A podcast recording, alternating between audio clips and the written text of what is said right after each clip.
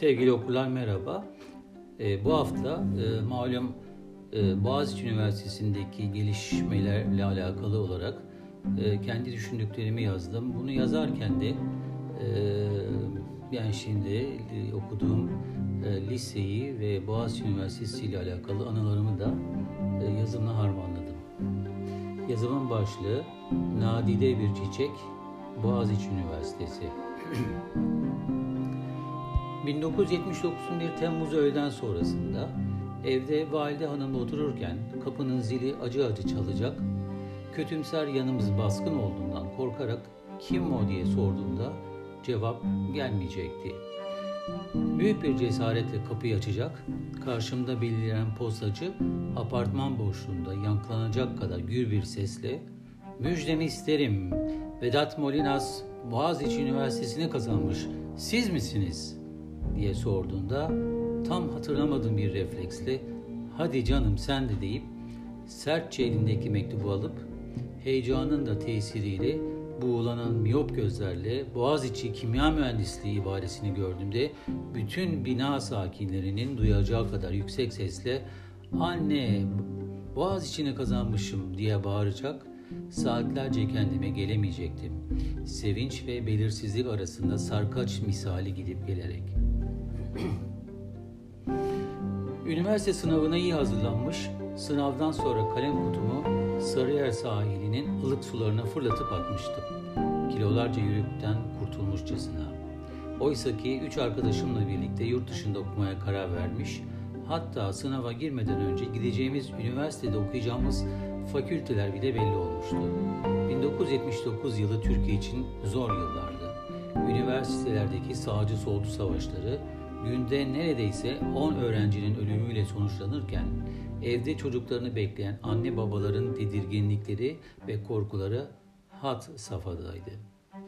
Bir tek Boğaziçi Üniversitesi daha çok liberallerin ve solcuların elinde olduğu için orada olay çıkmıyor, adeta ülkenin tek vakasız üniversitesi olarak biliniyordu. Diğer üç arkadaşım sonbaharı beklemeden yurt dışındaki üniversiteye gidecekler beni oyun bozanlık yapmakla suçlayacaklar. Zira sınav sonucunu beklemek istemeyecek, bilinçaltımda yatan Boğaziçi Üniversitesi'ni kazanırsam memleketimde kalırım düşüncem galip gelecekti nihayetinde.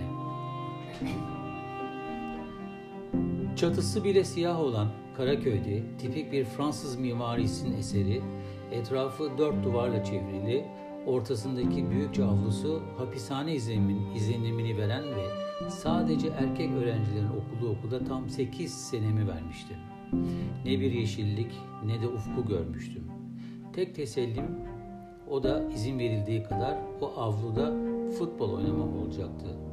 Pazartesi sabahları papaz öğretmenlerin okulun giriş kapısında saçınızın uzunluğuna bakarak standardın dışındaysa ellerindeki makasla acımasızca ensenize saç kesmesi yeteri kadar travmatik bir hatıra olarak kalacaktı. Dönemin uzun saç modasına inat izin verilmiyordu.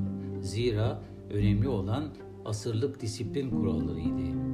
Neyse ki orta çağda gülmeye bile izin vermeyen o skolastik düşünce bu alanda yok olmuştu. Gülmek serbestti. Başarılı bir öğrenciydim. Özellikle kompozisyonda sınıf birincisiydim. Örneğin ünlü şair Arthur Rimbaud'un uzun bir şiirinden sadece iki mısrayı verip bunların iki sayfalık anlamı istenirdi en önemli sınavda dahi. İnsanın hayal gücünü şairinkiyle birleştirerek yeni açılımların arayışının bir sonucuydu bu tür sınavlar. Ve bir anlamda zihinde kendinizi derinliklere götüren bir düşünme refleksi alıştırmasıydı. Amerikan sistemi olan çoktan seçmeli sınav kavramına karşıt bir sistemdi ve çok faydasını da görecektim.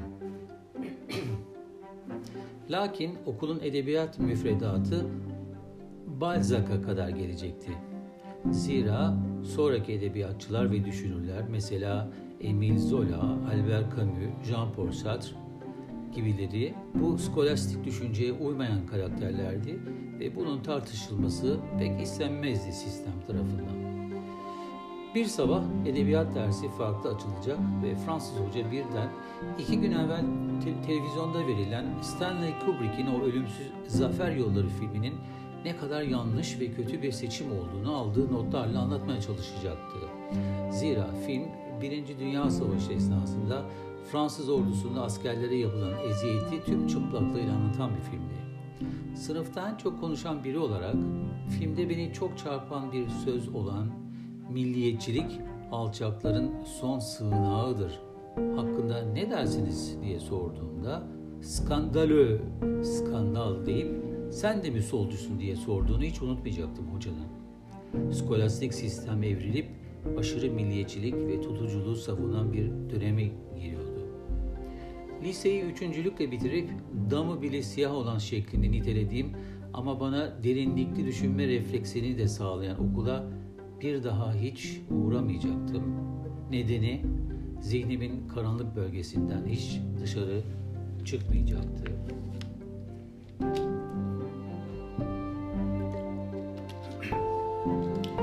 Ve arkadaşlarımı satarak yurt dışına gitmekten vazgeçip o zamanlar bile Türkiye'nin en önemli üniversitesine kaydımı yaptıracaktım. Kampüse ilk kez gittiğimde gözlerime inanamayacaktım. Devasa yeşil alanlar, kızlı erkekli beraberlikler, mutlu gençler ve tabii ki Türkiye'nin en görkemli manzarasına sahip 180 derece İstanbul Boğazı'na bakan Güney Kampüs'ün devasa romantik bölümü. Nereden nereye gelmiştim? Hazırlık sınıfını okuduğum yıl hayatımın en özgür, en huzurlu yılı olacak ve üniversite kavramının nasıl da liseden farklı olduğunu anladığım günleri içerecekti. Hazırlık sınıfının Amerikalı kadın hocası sorgulamayı seven bir hoca olarak bir gün bir soru sorduğunda yine sınıfın çok konuşanı, konuşanı olarak ben nerede olduğumu unutarak ne kadar da aptalca bir soru cümlesi ağzımdan çıktığında hoca beni sınıftan atacağına neden ki diye soracak kadar hoşgörülü olacaktı. Ders sonrası özür dilemeye gittiğinde sorunun iyi olmadığını daha yumuşakça söyleyebilirdin. Ama burası üniversite. Özgürce her şeyin açıkça tartışıldığı, sorgulandığı ve öğrencinin düşüncelerine önem veren ve hayatı anlamaya çalıştırtan bir öğrenme yeridir deyince hayatın başka bir evresine geçtiğimi anlamıştım. Lakin 12 Eylül darbesi olur ve Boğaziçi Üniversitesi'ni hepimizde olduğu gibi hüzün kaplar. Anne babaların çocukların öldürülmesinden kurtulduklarına sevinmelerine rağmen. Sloganların atıldığı, sıkı Marksizm tartışmaların yapılacağı solcu kantin dağılır. Sosyete kantini ise daha te- te- tedirgin sosyetiklerin olduğu bir kantine dönüşür. Lakin yıllar sonra bile her şeye rağmen özgür ve sorgulayıcı yapı değişmez Boğaziçi Üniversitesi'nde. Zira genlerinde özgürlüğü taşıyan bir üniversiteydi Boğaziçi. Bugün ise Boğaziçi ile ilgili gelişen olaylar hüzün verici olmaktan öte özgür ruhları yaralayıcı nitelikte. Türkiye'nin nadide çiçeğini diğerlerine benzetme çabalarından bahsediliyor.